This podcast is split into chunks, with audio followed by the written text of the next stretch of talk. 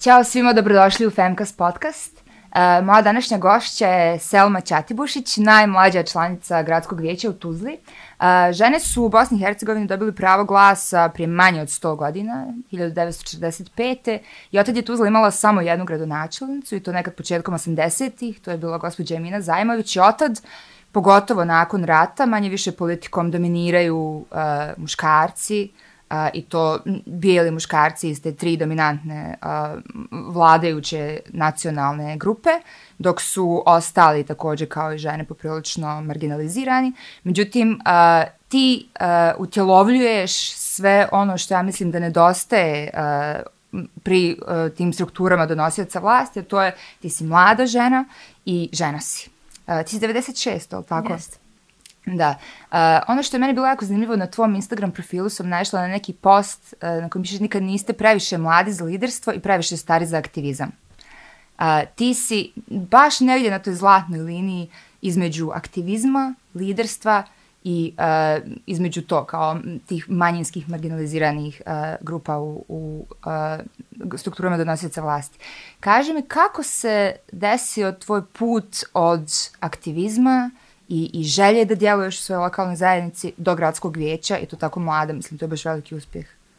Pa evo ovako prvo pozdrav svima, hvala tebi Andreja na pozivu. E, kako se desio taj moj put jeli, put aktivizma, volonterizma i evo sada angažmana u politici, nekako to je išlo, što mogu reći, stepencu, stepenca po stepencu. E, kroz aktivizam, kroz volonterski rad, e, ličnost se nekako razvija. Upoznaješ ljude koji su vrlo slični tebi, koji žele da doprinose e, svoju lokalnu, a time naravno i široj zajednici i nekako prirodan mi je put da mladi ljudi koji su jeli, aktivisti i aktivistkinje e, žele da se okušaju i u politici zato što e, politika je nekako e, najbliži put ka promjeni ukoliko želiš da radiš zaista i da doprinosiš svojoj lokalnoj zajednici. Ono što mi je bilo karakteristično, evo mogu da se na to nadovežem, jeste nešto za čime žalim, da tako kažem. To jeste uh, moje kolege koji su aktivisti, koji su uh, dugo, dugo godina i volonteri u svojim zajednicama,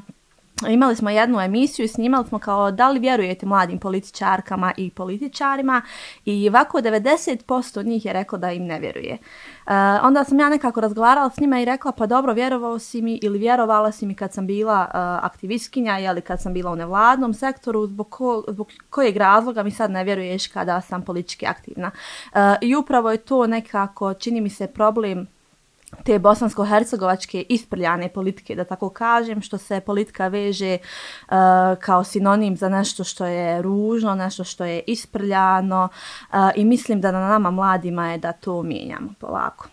Da, ja isto moram da se složim da imam malu averziju prema politici u Bosni i Hercegovini, ali samo u Bosni i Hercegovini. Generalno politika mi je baš preljepa uh, vještina i, i preljep posao, ali da, upravo to što kažeš, desio se taj neki svježi val uh, mlade energije u gradskom vijeću u Tuzli uh, i baš sam zato i dobila želju da vas malo bolje upoznam, tebe prvenstveno.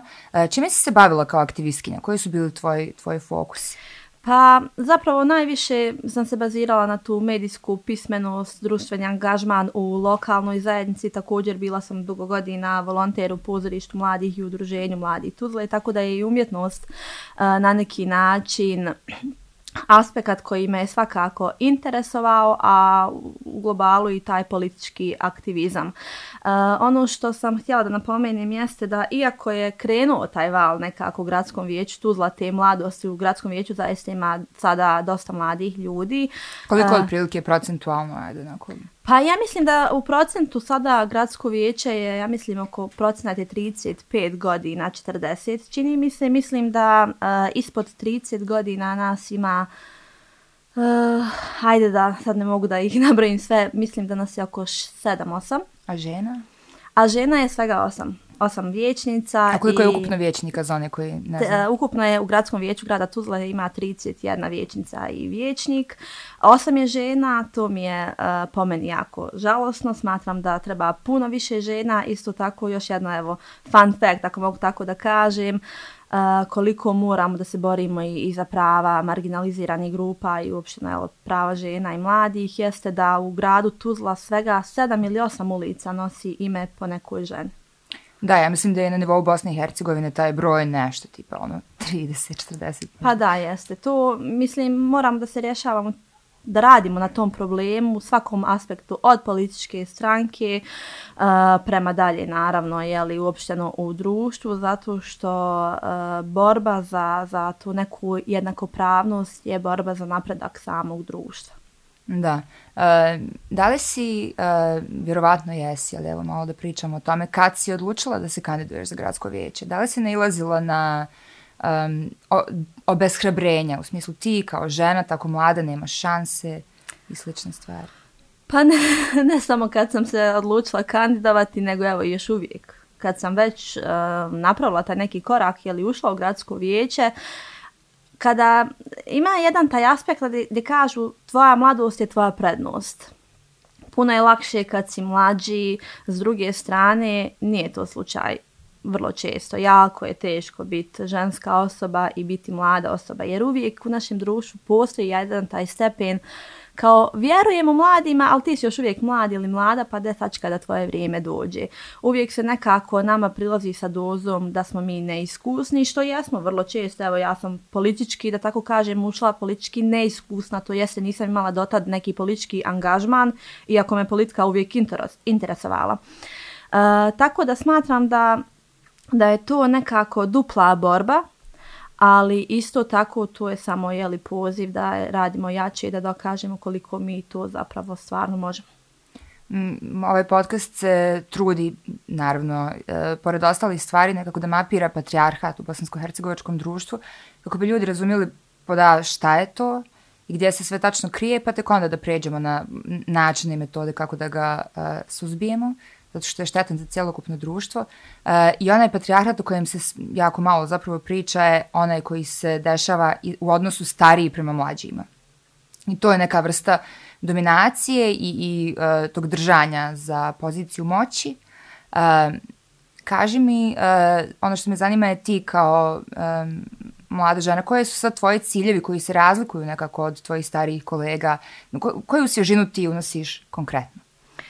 Pa e, evo ovako, ja smatram zašto mladi trebaju da preuzmu odgovornost, prvenstveno zato što nekako mladu osobu krasi ta mladalačka energija. Ona ima želju da se dokaže. Sistem je još uvijek nije uspio isprljati i nekako ja kažem sad e, dok imam 24 godine imam želju da zapali more e, na neki način i Nadam se i trudit ću se da imam želju i u svojoj 50. 60. godini, ali znam da će vremenom uslijed određenih okolnosti vjerovatno ta želja jeli, da se smanje. E, smatram da je mladost zaista prednost upravo zbog te energije, želje za promjenom, e, želje za dokazivanjem, što je po meni sasvim opravdano i u redu. I nekako e, mislim i vjerujem da uz uh, sinergiju iskustva starijih koji su spremni da puste to kormilo, da se ne boje da će ih jeli mlade osobe a, ne znam, pobijediti u nečemu, nego da zajedno radimo uz mladalačku energiju, iskustvo starijih možemo stvarno ne da promijenimo Tuzlu, nego cijelu Bosnu i Hercegovinu i da stvarno živimo u jednom društvu koje je kvalitetno i koje nudi kvalitetan i dobar život. Intergeneracijska saradnja je bukvalno postala jedan od trendova zadnjih godina gdje naučili smo da stari ljudi mogu da postanu digitalno pismeni, i da s njima sarađujemo na tome, da oni mogu da prenose mudrosti, to je čak i plemenske neke ovaj navike su baš fokusirane na tu intergeneracijsku saradnju. Ali meni se čini, mislim da mi se čini, nego to i brojke pokazuju da su mladi postali ugrožena vrsta u Bosni i Hercegovini. Mislim, baš je ogroman odliv mozgova. Šta misliš, kako bi to moglo da se malo spriječi? Ne samo spriječi odliv mozgova, nego da se vrate naši ljudi koji su završili fakultete po cijelom svijetu? Pa upravo to, e, mi se nekako uvijek bavimo time kao, mislim bavimo se, to jeste priča se o tome tema kao odliv mozgova, odlaze na mladi, e, ne da se ne, ne bavimo dovoljno time što na mladi odlaze, nego se uopšte ne bavimo time kako vratiti te mlade. E, na primjer, vrlo često, tu jeste u 90% slučajeva, naši univerziteti nisu povezani sa tržištem rada. Mi nemamo programe koji će jeli, e, motivisati mlade ljude koji su otišli van da se obrazuju, da se vrate ovdje. E, ja izuzetno stvarno vjerujem u našu dijasporu, smatram da je to veliki potencijal, ali ne smatram da te ljude koji su naši ljudi trebamo iskorištavati samo u toku ljetnih jeli, odmora gdje će oni doći i potrošiti svoj novac, nego stvarno uh, njihov potencijal na pravi način iskoristiti. Uh, znači, ja bih zaista voljela da nama se i vraćaju naši mladi, ali su tako da dolaze i naši stranci, da univerzitet u Tuzli možda postane i najbolji univerzitet u državi, možda da parira i nekim evropskim univerzitetima. Uh, smatram da je na neki način neophodno da radimo na tim programima motivisanja za vraćanje u Bosnu i Hercegovinu. Sasvim je ok otići vani da studiraš, da učiš, da se obrazuješ, da radiš, stekneš neko novo iskustvo, ali gde da vidimo na koji način motivisati mlade ljude da se vrate. Ja sam u toku svoje kampanje, um, iako kažu, hajde nije to toliko blisko lokalnoj zajednici, ja smatram da je to tema koja je bliska i gradskom vijeću i parlamentu federacije i parlamentarnoj skupštini, svim nivoima vlasti, uh, upravo to vraćanje i odlazak mladih. Uh, navela sam primjer države Turske koja jeli motiviše svoje svoje uh, građanke i građane koji su studirali vani da se vrate u Tursku i da to znanje implementiraju u Turskoj i zato, ne znam, dobiju veće plate u odnosu na, ovih, na ove koji su ostali da studiraju u Turskoj, zatim skandinavske zemlje koje daju uh, kredite studentima i studenticama koje uh, oni mogu vraćati tek nakon što se zaposle. To je na neki način sistemski rješavanje tog problema i zadržavanje, to jeste vraćanje svoje omladine u svoju državu. Mislim da je problem je kompleksan i donekle se najviše veže za nezaposlenost i mentalno siromaštvo. To što ti više nemaš uh, razvijenu kulturu ili ekonomiju i to je nekako ide pomeni ovaj, uh, ruku uz ruku. Uh, E sad, taj ekonomski problem i to e, koliko mladi nakon završetka fakulteta ne ilaze na zatvorena vrata i na jako malo poticajnih programa ili čak, evo recimo, e, da najbolji studenti dobiju posao asistenta ili asistentkinja na svom fakultetu, da dobiju neke koliko toliko dugoročnije ugovore, koliko ja znam, to su ugovori na semestar, na par mjeseci i ti ljudi su godinama budu u agoniji, što ne znaju imaju zapravo ovaj, stalno, stalno radno mjesto.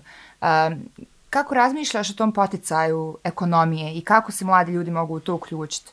Evo sad recimo da ne pričamo čak o sistemskim rješenjima, nego o tome što bi mladi mogli da urade samo inicijativno.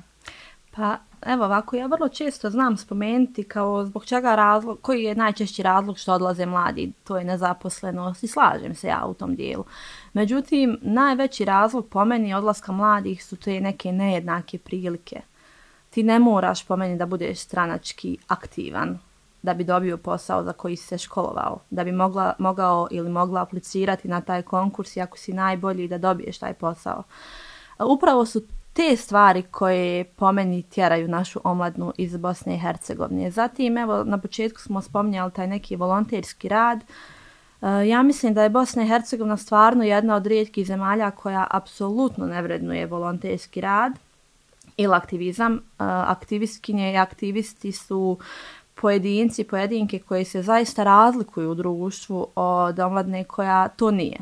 Razlikuju se u tom, u tom smislu da pored školovanja su se i obrazovali, eh, nekako učili su te neke bitne teme i jednostavno odskaču Uh, smatram da se prvenstveno volonterski rad mora vrednovati, da li to je uh, volonterska knjižica na nivou lokalne zajednice gdje će se moći upis, upisivati volonterski sat i na neki način motivisati te ljude koji svakako su doprinosili ili dalje doprinose besplatno svojoj zajednici da im zajednica na taj način vrati. Uh, zatim to neko javno-privatno partnerstvo gdje, ne znam, neki student nakon završetka fakulteta uh, da može, da, da, da je univerzitet povezan i sa privatnim firmama pa da pošalju uh, najbolje studente u te neke firme. Zatim kod nas, na primjer, studenti i studentice ne mogu da rade, to jeste mogu se preko studentskog biroa prijaviti na par mjesta radi dodatnog džeparca. U Evropi je sasvim normalno da studentica ili studena, student ima pravo 20 sati sedmično da radi. No, to se krene od srednje škole. Od još. srednje škole, da, da, da može na neki način da bukvalno sam ili sama finansiraju ovaj svoje školovanje. Eto, to su neke stvari zbog koje, za koje mi mladi moramo da se izborimo, jer neće niko umjesto nas to je kroz javni pritisak. Treba zapravo samo znati prepisati dobre stvari. Iskreno. Tako je, Već je, to je nešto što postoji, što funkcioniše u svijetu i treba samo implementirati u našoj zemlji. A kako vidiš odnos politike i medija, to jest na koji način mediji mogu da budu jedan moćan alat komunikacije tih vrijednosti i poticanja ne samo mladih, ali evo recimo primarno mladih na neku akciju? Mislim na medije i tradicionalne i na društvene mreže. Pa mislim da sad primat iskreno uzmaju društvene mreže. Da. Vjerovatno zato što sad su svi na, nek na neki način, i, ajde ne mogu reći baš svi, ali velika većina stanovništva su na društvenim mrežama.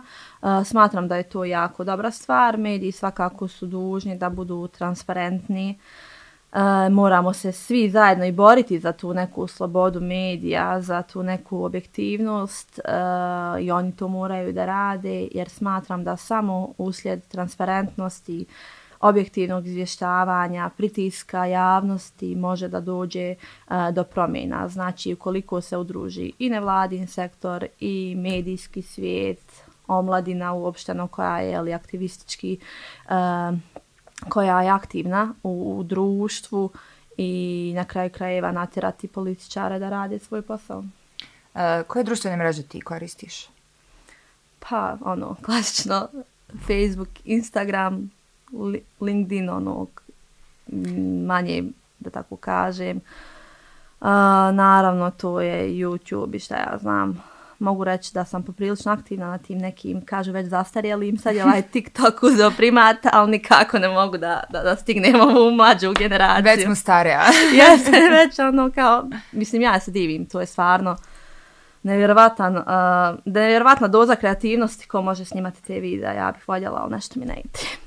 Da, mislim, baš sam našla nekoliko uh, političara i političarki širom svijeta koji koriste TikTok kao, kao neki alat komunikacije, gdje ti sad ubacuješ i humor i neke globalne trendove i doslovno um, tu pop kulturu koristiš kao način komunikacije sa, sa mladim. Pa ja smatram da je to zaista odlično i evo tu je baš tema koja se, ajde tako kažem, nadovezuje na jednu bitnu stavku, jeste što uh, uh, ti kalupi koji su kod nas postavljeni, ti znači ako si političarka ili političar, ti moraš da nosiš crno odijelo, nebitno da li si žensko ili muško, bijelu košulju, eventualno da imaš neki svoj portal, oficijelnu Facebook stranicu, uh, da ne budeš apsolutno duhovit, da se mm. ne šališ, jer ti sada ušao u svijet politike i ti si zaboravio na smijeh i sve to. Uh, ja sam imala par situacija baš, a uslijed toga ako si žensko, to je još onda nekako gore.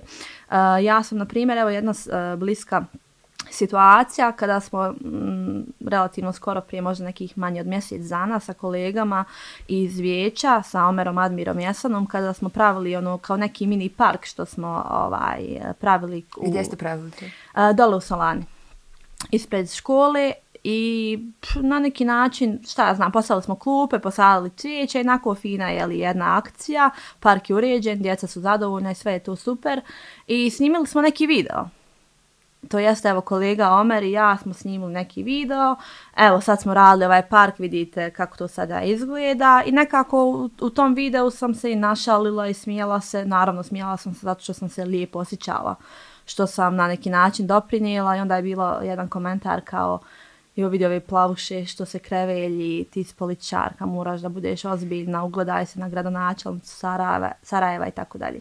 Mislim, gradonačelnica Sarajeva, Banjamna je divna djevojka, ali ja ne želim da budem kao drugi. Ako mi se smije, ja ću se smijati. To ne znači da sam ja neozbiljna, da svoj posao shvatam ne, neozbiljno. Apsolutno shvatam ozbiljno svoj politički angažman, svoj angažman u gradskom vijeću. Želim da opravdam povjerenje građanki i građana, ali to ne znači da ja neću obući šarenu haljnu na sjednici gradskog vijeća. Naravno, mora postojati kultura oblačenja. To ne znači da se ja neću smijati, da ja neću slušati muziku, nego nastavljam živjeti sasvim normalno svoj život, a pritome borim se jeli, da opravdam povjerenje svojih sugrađanki i sugrađana i da doprinosim zajednici.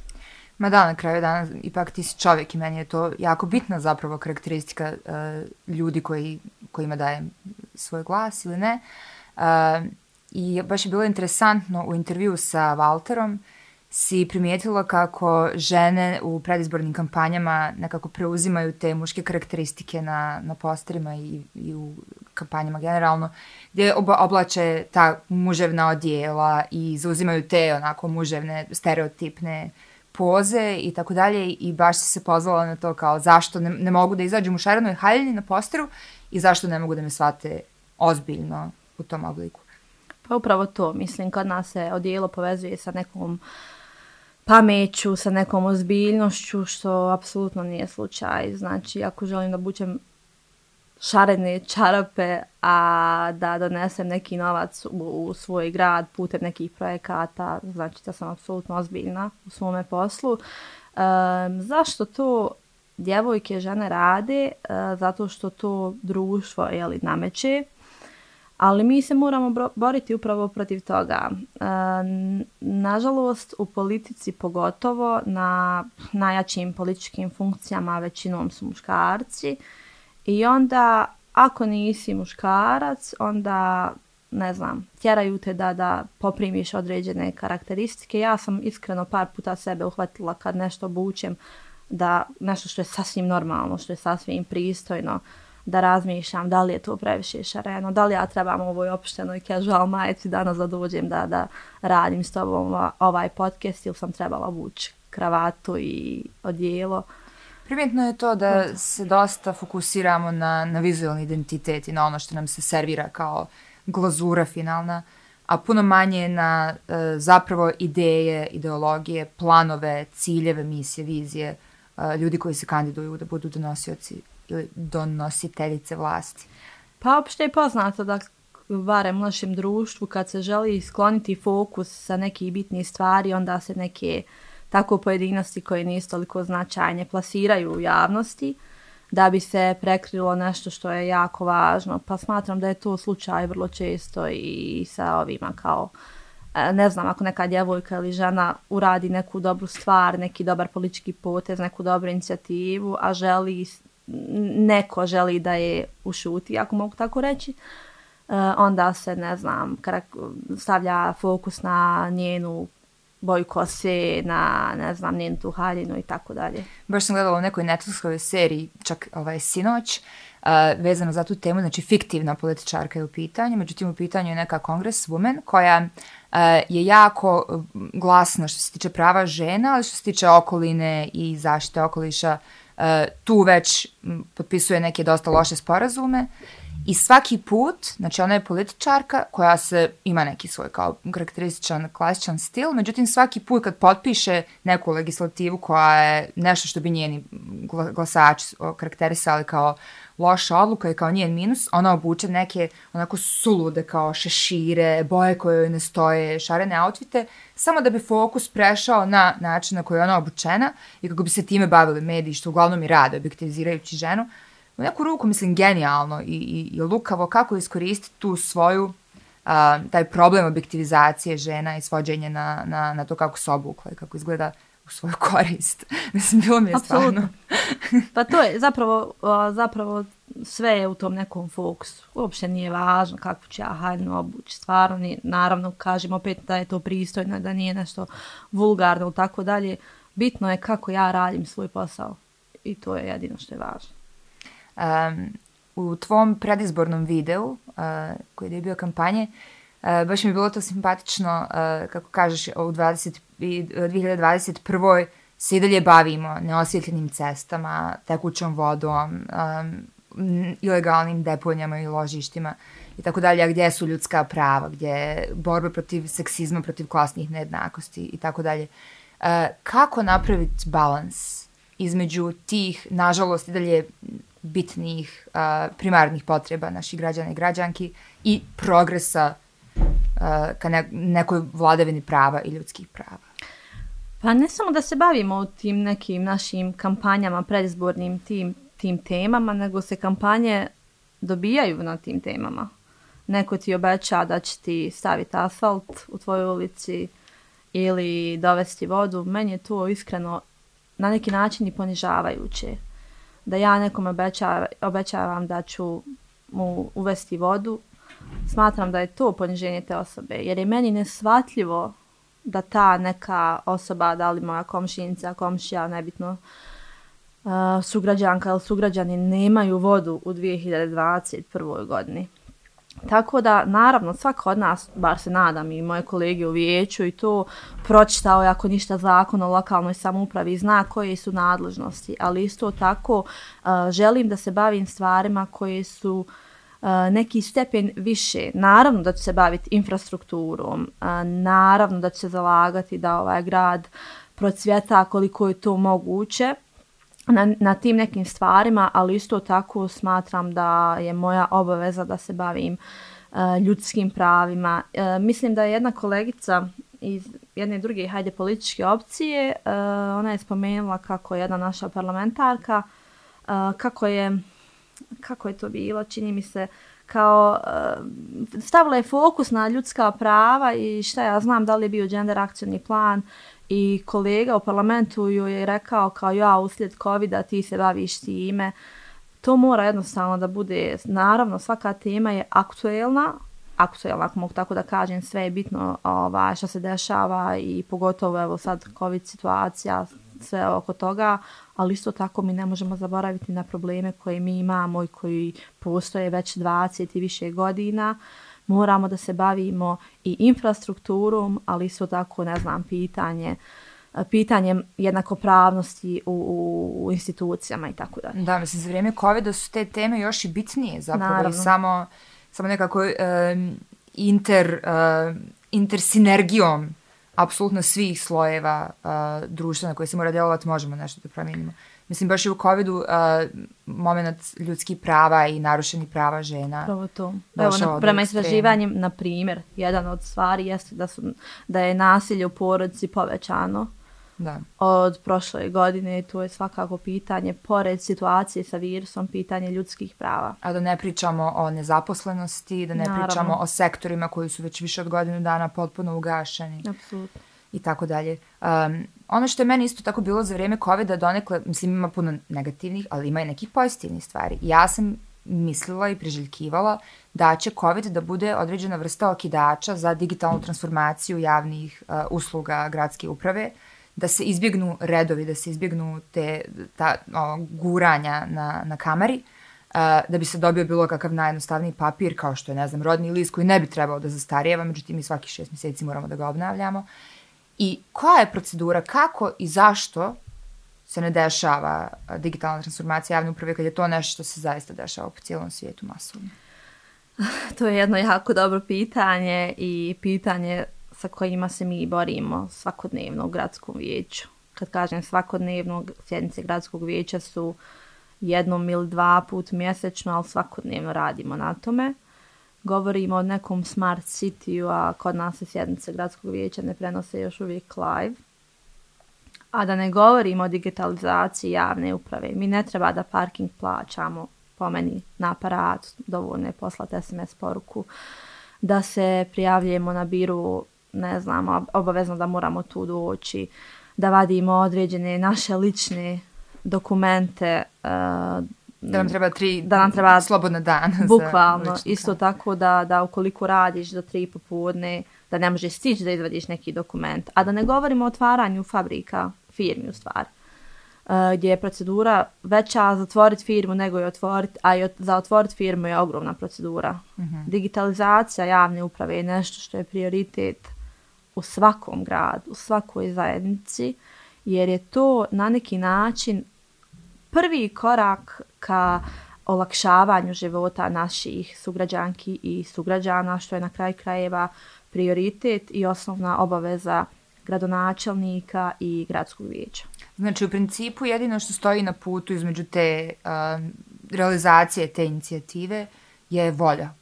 Pa da, apsolutno. Volja i dobro, vrlo često se to zna opravdavati, nema dovoljno novca, slažem se, budžet grada iznosi, evo sada je 63 miliona, po, u poređenju sa, ne znam, Sarajevom, to je svakako po meni dosta, dosta manje i sve to, međutim, volja je po meni ono osnovno što koči. Ja sam čula nekoliko puta argument protiv digitalne transformacije, taj da bi puno ljudi zaposlenih u javnim ustanovama dobilo otkaze, što, mislim, nisam ulazila u neke duboke analize i ne znam zapravo koliko je ljudi zaposleno u javnim ustanovama i u um, s, ustanovama koje se bave uslugama za čitavo stanovništvo, ali uh, meni se čini da bi to biti samo otvorilo neka nova zanimanja. Apsolutno. Neka, nov, neka nova radna mjesta za neka nova zanimanja i da bi možda u svemu tome došlo i do nekog uh, povećanja jednakosti Zato što ono što zaista susrećemo je to da su uglavnom žene u, e, na radnim pozicijama koje se bave nekom njegom, brigom, pružanjem nekih tih primarnih usluga, dok su muškarci na liderskim pozicijama. Evo, kao što sam rekla u uvodu, jedina i posljednja gradonačelnica grada Tuzle bila je Emina Zajmović početkom 80-ih. E, kako ti doživljavaš ovu retradicionalizaciju e, društva u kojem žene zaista kao da ne postoje na liderskim pozicijama. U privredi, privatnom sektoru, civilnom sektoru, ajde još i nekako, ali u politici zaista jako malo. Čak ne, ne ispunjavamo ni kvotu koju bismo morali po plan, e, zakonu o ravnopravnosti spolova, a da ne pričamo o nekim napredcima već, već ima toga. Pa, apsolutno. Mislim, ja vrlo često znam spomenuti o istraživanje UN Švedska je radilo uh, to istraživanje gdje kažu kao prvenstveno istraživanje predrasuda koje kaže da se žene kao da postoje predrasude koje govore da se muškarci većinom bave ekonomijom, infrastrukturom, tim nekim, da kažem, bitnijim pitanjima, dok se žene bave socijalnom politikom, one su većinom kod kuće. Uh, to smatram da prvenstveno moramo raditi, ka, uh, raditi na tome da se razbijaju te predrasude. Ja kao žena, ako sam uh, školovana, da, da, da se razumijem u ekonomiju, koliko sam se obrazovala kod toga, zašto mi to ne bi bilo prioritet mog interesovanja? Svakako jeste. E, tako da i kvote koje postoje, koje se eto kao moraju ispoštovati, nažalost, samo su kvote. Mi moramo da naučimo da, da ne samo da mijenjamo tu neku da tako kažem, e, to razmišljanje žena da moraju da preuzmu odgovornost, da se bore, da se izbore za sebe, mi moramo jednostavno svi zajedno, cijelo društvo i muškarci i žene, da razbijamo te predrasude, da je sasvim u redu glasati za ženu koliko po svim nekim mjerilima je sposobnija od nekog muškarca koji je njen protivkandidat i tako dalje. Tako da to je dug, dug je e, proces, ali šta ja znam, nećemo odustajati od od toga treba pozitivno razmišljati, ali isto tako uz pozitivno razmišljanje mora se djelovati. I ne bježati od dugoročnih planova koji su planovi za 50, 100, 150 godina. Absolutno. Mislim, skandinavske države imaju takve vrste planiranja po 100 godina. I ti onda zaista možeš da, da mijenjaš društvo, da dižeš svijest nekako ovaj, puno kohezivnije. A što si ti htjela da budeš kada odrastiš? Kad si bila mala? ja, ja sam htjela da budem puno toga kad sam bila mala. A šta sad želim? Ne znam. Ono, od nekih klasičnih stvari koje sam htjela, htjela sam da, da budem predsjednica, pa sam htjela da imam cvjećaru svoju, znači to je bilo neki totalno jedan, ja kažem balans, ali zapravo mm, totalno onaj, sa, sa jednog aspekta na drugi. Uh, ja stvarno želim da samo odrastam, ja još uvijek odrastam, jer smatram da dokle god imamo snagi da se dodatno obrazujem, da, do, da dodatno učimo, mi odrastamo. Ja želim samo da, da, da se borim da živimo i da radimo u društvu koji ti nudi prilike, u društvu koje se ophodi prema, jeli, eh, koji se ophodi prema ljudima, uh, na, na neki bolji, empatični način koji, koji ne bježi od toga da prihvati ono što je drugo, ono što je drugačije. Tako da šta želim da budem posle, ne znam, jednostavno, to su neke, ne, neka moja gledišta. A studiraš pravo? Jeste. A Zašto to je na... pravo? To je... um, Mislim, to jeste neka dobra pretpostavka za promjenu društva koju ti želiš da... Mislim, ove stvari o kojima si sad pričala. Međutim, kako, kako iskoristiti pravo u te svrhe? Mislim, ne znam, ovo pitam zato što stvarno ne znam. Pa, Koji, mislim, koji su konkretni načini, pored ulaska u politiku? Uh, ja, uh, mislim, kroz, zakona, kroz ne osnovnu i srednju školu stvarno sam bila ono mali štreber, da tako kažem, i išla su mi nekako sve nauke, ali najviše sam se pronalazila, rekla bi čak više u prirodnim naukama, bila sam jača nego u društvenim. Međutim, društvene su me nekako uvijek više interesovale. Tako da je pravo bilo neki mm, slijed događaja, da tako kažem, nekako neki prirodni slijed događaja, jer smatram, zašto pravo? Smatram nekako da kroz, ajde da kažem, taj fakultet e, mogu možda da, da, da najviše djelujem e, na, na neke te promjene, gdje poznajem određene zakone, pravila, legislative ili tako dalje, tako da to je to otprilike šta želim posle prava, želim naravno da završim i, i master, vjerujem da ću, da ću se odlučiti na master, da li odmah ili nakon nekoliko godina. Razmišljala sam o tome da se uključim u tužilaštvo, onda bi se naravno morala jeli, ostaviti politike, jer to mora da bude odvojeno od politike, ukoliko želimo da naše, dru... trebalo bi da bude odvojeno od politike. Ali eto, Evo jedan drugi potencijalni scenarij. Uh, evo spomenuli smo Benjaminu Karićnovu, gradonačelnicu Sarajeva. Uh, kao što smo već, evo po drugi put spomenuli, Tuzla nije već godinama imala gradonačelnicu. Da li bi se ti mogla vidjeti na toj poziciji i pod pitanje kako bi se Tuzla promijenila uh, ako bi imala gradonačelnicu i kako ti vidiš, kako ti vidiš taj scenarij potencijalni? Ajde malo da, da maštamo. Pa evo, to je, šta ja znam, interesantna, interesantna ideja. Ne znam, nekako uh, voljela bi napravi način prvenstveno da odradim ovaj moj mandat u gradskom vijeću, da, da vidim da li se ja mogu pokazati kao gradska vijećnica. Ukoliko se ne pokažem dovoljno dobro kao gradska vijećnica, nemam ja šta raditi kao, ne znam, potencijalna kandidatkinja za gradonačelnicu grada Tuzli.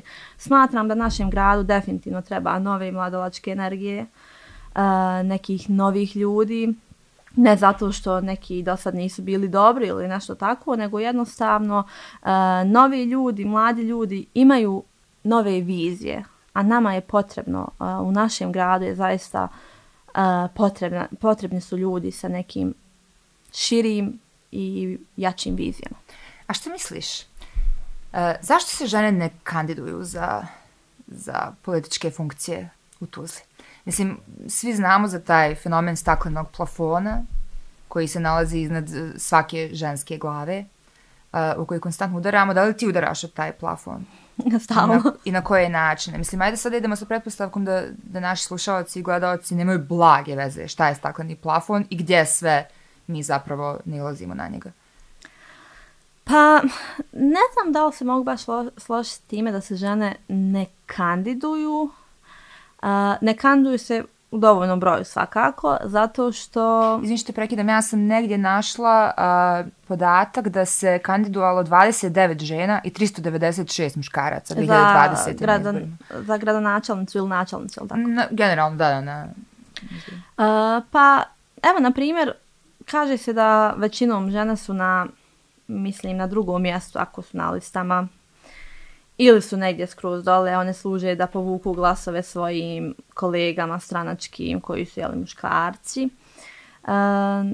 ne znam, mislim da, da jednostavno postoji vjerovatno i određena doza straha obzirom da, da društvo je takvo da te jednostavno uh, da marginalizirate određene grupe, ali isto tako uh, kada se kandiduješ, kada postaneš gradska vijećnica, parlamentarka, zastupnica, kako god, ti si naravno u fokusu. I vrlo često, upravo što smo govorili, nekad zna taj fokus preći na neke stvari koje su apsolutno nebitne. I mislim da, da, da je problem što ti kada si djevojka ili žena imaš puno, puno više obaveza i puno ti je teže ne samo proći, nego izboriti se sa svim tim pritiskom uh, u odnosu na nekog kolegu koji je muškarac. Uh, zatim, m, postoji isto tako istraživanje koje mene žalosti, jeste da i žene ne vjeruju dovoljno ženama. Da žene ne glasaju za žene.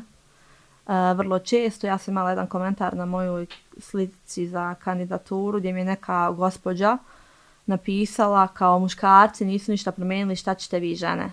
Što je, on, mislim, ironija, ti si žena, Suludo, ti da. meni pišeš. Ne samo to, stvari. nego muškarci nisu ništa promijenili ko drugi nego žene da im da pokušaju, mislim, ako ništa. Mislim, moramo prvenstveno vjerovati u sebe, u našu snagu, u naše znanje i jednostavno preuzeti tu odgovornost, pokazati da možemo i ja stvarno vjerujem da možemo. A, a što misliš o obrazovanju u, u Tuzli? Mislim, evo, spomenula si kako misliš da bi naš univerzitet mogao zaista da bude, da parira europskim i da imamo Erasmus studente tu i tako dalje. Mislim, to su neke maštarije, međutim, neki konkretni podaci pokazuju da je sve manje upisanih studenta, da sve više padamo na ljestvicama fakulteta, formalnim, neformalnim, da, da prosto kao da univerzitet se polako gasi zapravo. Pa ja iskreno mislim, vjerujem i to je činjenica da naše obrazovanje uopšte u državi, da se sistematski radi na tome da se, obrazuje, da se obrazovanje uništi. Da. Uh, vjerovatno zato što vrlo često ljudi koji su obrazovani, koji su školovani, koji se trude da napreduju su potencijalna opasnost i oni koji dižu buku pa to određenim jeli, vladajućim strukturama i ne odgovara. Već smo spomenuli da mi tjeramo svoju omladnu vani. Uh, ja sam i, i dan danas pokrenula sam jedno 20 već inicijativa i to sam kroz svoju kampanju govorila. Mislim, mi pričamo o nekom univerzitetu, mi nemamo čitaoncu koja radi 24 sata. Za, um, m, mislim, za naučna istraživanja našeg univerziteta je prošle godine odvojeno 10 ili 15 hiljada maraka. To je smiješno. Bukvalno smiješno, da. Uh, profesori isto tako su na neki način ajde da kažem, natjerani da, ga, da ganjaju tu neku kvotu ti, ti svojih časova, kako da kažem, to što onda se ne mogu posvetiti, pa moraju, ne znam, da predaju 5, 6, 10 predmeta da bi imali to, da bi mogli dobiti platu. Mislim, profesori trebaju pomeni da predaju jedan predmet u kojim su stvarno stručni svojim studentima i onda dodatno da se bave i tim naučnim istraživanjima. Uh, a mislim to su neke stvari koje su onda tržište rada opet ponavljam apsolutno nije povezano sa univerzitetima ono PISA istraživanje rekli su da više neće zapravo ne planiraju ni vršiti više ovaj istraživanje u Bosni i Hercegovini Uh, ne postoji li neki objektivni uh, način mjerenja uspjeha fakulteta i univerziteta u Bosni i Hercegovini, privatnih ili javnih, nije bitno, a to je neka vrsta ispita gdje bi mogli da vidimo na koji način su, uh, kakve studente su institucije izbacile, na koji način su ih oblikovale, tako da možemo da ih rangiramo nekako i Pa, unutar države. Na apsolutno. primjer, lupam, mislim, neke male Al- stvari koje bi tu reformu... Evo, naši studenti, mislim, naši studenti kad odu vani, on su vrlo često odlični studenti. Znači da tre, onda treba da se uopšte po meni izvrši ta reforma obrazovanja, da ne učimo od- iz knjiga koje su stare po 200 godina, čini mi se. Da. Zatim ja smatram iskreno da je veliki problem što nam je obrazovanje jeli, na kantonalnom nivou, što je to tako, nekad kažem, imam osjećaj da mi je teže opisati fakultet, univerzitet u Sarajevu nego univerzitet u Beču. Što je stvarno suludo i smiješno je da, da, da, da je to tako, nekako smatram da bi to trebalo zaista biti na državnom nivou, nekako centralizirano i da se napravi ta, ta reforma samog obrazovanja. Um, I ono što bi bilo sjajno konkretno za Tuzlu je da se kampus o, to da. modernizuje. Ja sam baš neki dan bila prvi put tamo onako da sam ovaj, malo istraživala i ono je fascinantan prostor. Toliko dobar, toliko sjajan baš za kampus. Apsolutno. Tamo, tamo bi moglo da se regeneriše čitavo obrazovanje. Pa to je ogroman potencijal. Prvo što je prostor stvarno veliki, što moglo bi se napraviti toliko studentskih domova, moglo bi se cijeli univerzitet bi se mogao tam malte ne prebaciti. Evo sad govore da, da postoji neki plan za uređenje, to da duše kanton. E, mislim da, da najviše radi, ali da je veliki potencijal definitivno jeste. A pomozi mi da demistifikujemo malo. Um, evo recimo ti imaš neku inicijativu na lokalnom nivou, kao na primjer, ne znam, izgradnja parka ili m, preimenovanje ulice, recimo, u, prema nekoj ženi. Kako to sad ide? Kako ti uh, možeš da proguraš svoju ideju? Kako ide taj politički proces? Pa evo ovako, kao što većina zna, mi smo platforma za progres, dio smo opozicije, znači nismo dio vladajuće većine i naše inicijative i jako, jako teško prolaze. Jedan amandman opozicije je prošao od 80 i nešto amandmana na budžet. Uh, Koji je to bio? Da se djeci koja su oboljela od diabetesa u druženju Novi Horizonti kupe novi aparatić, aparatići za bezbolno mjerenje šećera Aha, u krvi. I to je bilo zbog javnog pritiska zapravo. I to je bilo zbog strašnog javnog pritiska. Uh, prošlo je, zapravo htio se na neki način taj amandman ukinuti, međutim mi smo napravili, slobodno mogu laički reći, haos i taj amandman je prošao. Upravo je to način na koji mi iz opozicije jedino možemo djelovati jer uh, ne postoji volja da se neke stvari koje dolaze iz opozicije koliko god bile dobre da se usvoje vjerovatno zbog ne znam straha od skupljanja nekih političkih pojena a neke stvari zaista ne smijemo politizirati. Uh, ja lično svako do sad vijeće uputila sam po tri inicijative tri vječnička pitanja toliko je maksimalno koliko mogu za jedno uh, e, gradsko vijeće za jednu sjednicu gradskog vijeća i inicijative za koje smatram da su dobre ja ću sto puta ako treba ponavljati i vršiti pritisak i boriti se da te inicijative prođu bez obzira što možda ne postoji volja u vla, kod vladajuće većine da se to usvoji. A, a kako komuniciraš sa svojom zajednicom, to jest sa, sa ljudima koje predstavljaš u gradskom vijeću da li se nekad desi da ti neko da konkretan primjer šta, ili prijedlog šta bi voljelo da se desi i da ti to onda guraš na osnovu neče inicijative? Pa, apsolutno. Mi smo svakodnevno skoro na terenu, obilazimo mjesne zajednice uh, kao progresivni blok. Svaki mjesec ćemo imati građansko vijeće na kojem građani dođu na, na određeno mjesto gdje se dogovorimo. Tu nam daju direktno svoje inicijative, svoje prijedloge, žalbe, kako god. Uh, naravno, uslijed ove situacije moramo pripasti, vidjet ćemo da li će to biti ili na otvorenom ili nešto tako. Zadnji put smo imali u BKC-u.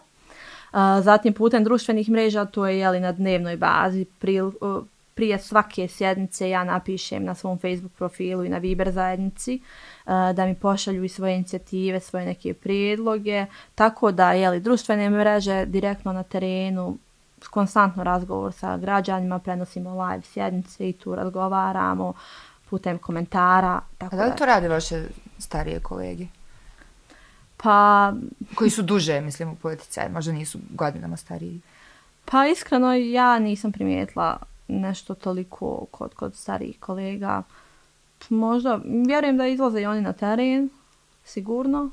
Mislim, kolege u vijeću stvarno izuzetno poštujem ih sve, i kolegice i kolege. Smatram da su velika većina dosta, dosta kvalitetni ljudi. Uh, Eh, voljela bi da iz vladajuće većine na neki način imaju više hrabrosti da skinu te okove stranačke, uh, mislim da bi tek tad gradsko vijeće došlo na neki puno, puno viši nivo i da bi smo pokazali šta stvarno možemo raditi zajedno. A imaš li neke konkretne ideje kako bi se moglo poboljšati stanje prirode i okoline u Tuzlanskom kantonu sa fokusom na zrak? I zemljište koje je isto jako zatrovano? Pa prvenstveno smatram da mora postojati moratorij, znači mora postojati zabrana na uništavanje postojećih zelenih površina, znači da se tu ne smiju graditi novi objekti.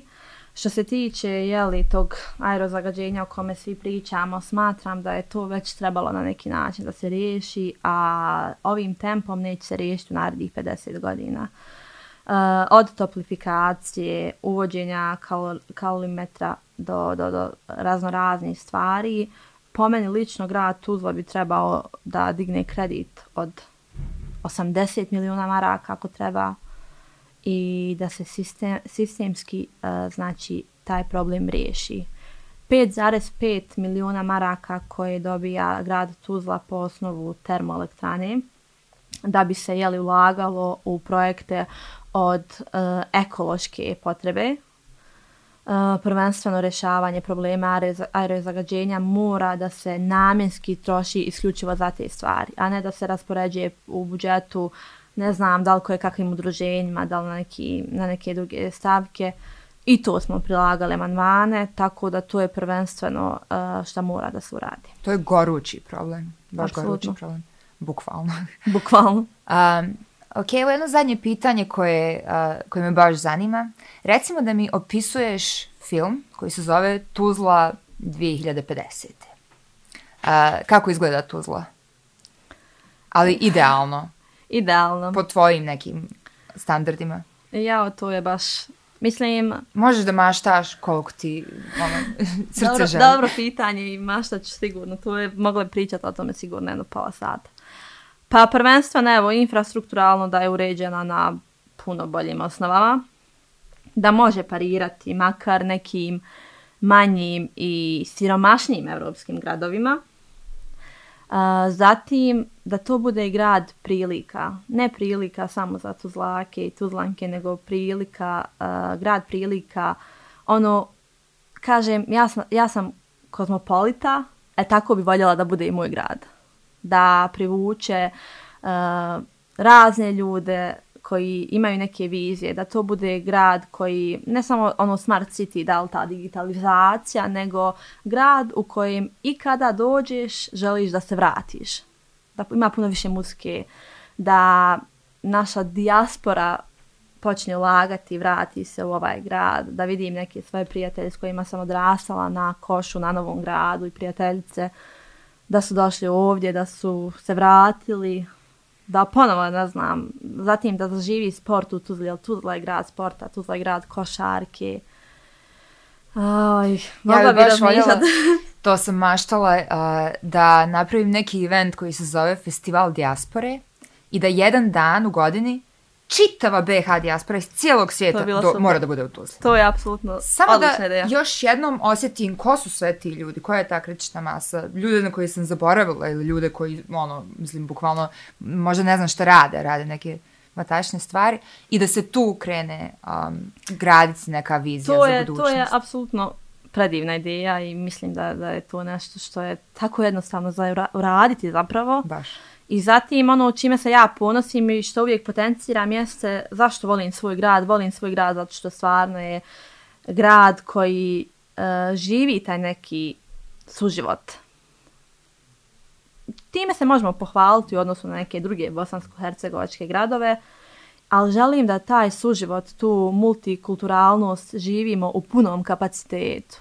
Da to je nešto što na čemu treba da potenciramo, da ne njegujemo te neke istinske vrijednosti, da Tuzla bude grad muzike, eto tako. Uh, ma joj, mogla kako... bi pričati svašta o tome. E, mislim, znam da je kompleksno uređenje ove naše države, to sve sa kantonima i slično. Na koji način vi komunicirate sa kantonalnim vlastima?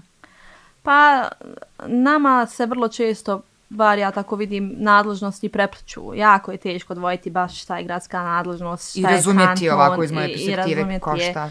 E, tako da vrlo često upućujemo određene inicijative i prema kantonu koji ne mogu jeli, da, se, da se ostvare na, na gradskom nivou. To je komunikacija. E, tako da, mislim, komplikovano u svakom slučaju kantoni, sva, sva to državno uređenje jel, na nivou naše države. To je način na koji možemo djelovati i to i radimo. Dobro, mislim, ovo je sad malo lokalni patriotizam da me niko ne zahejtuje, ali Tuzla je uvijek bila zaista jedna od najprogresivnijih sredina u Bosni i Hercegovini. Ja vjerujem da Tuzla može da povuče društveni napredak, tako da mi je jako drago da se dešava ova, ova svježa struja, iako, eto, ponavljam, mislim, politika je predivna ovde malo onako ovaj, eh, zaprljana, ali ja se nadam da će to da se, da se mijenja i da ćemo uskoro svi moći da se uključimo u, u, u svoje lokalne zajednice, u svoje mjesne zajednice i da zajedno s vama gradimo neku, neku novu budućnost. Apsolutno.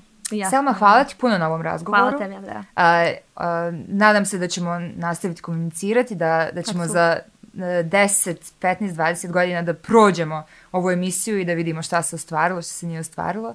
A, dragi slušalci, dragi gledalci, slušateljice, gledateljice, nadam se da ste uživali i vidimo se u sljedećoj epizodi.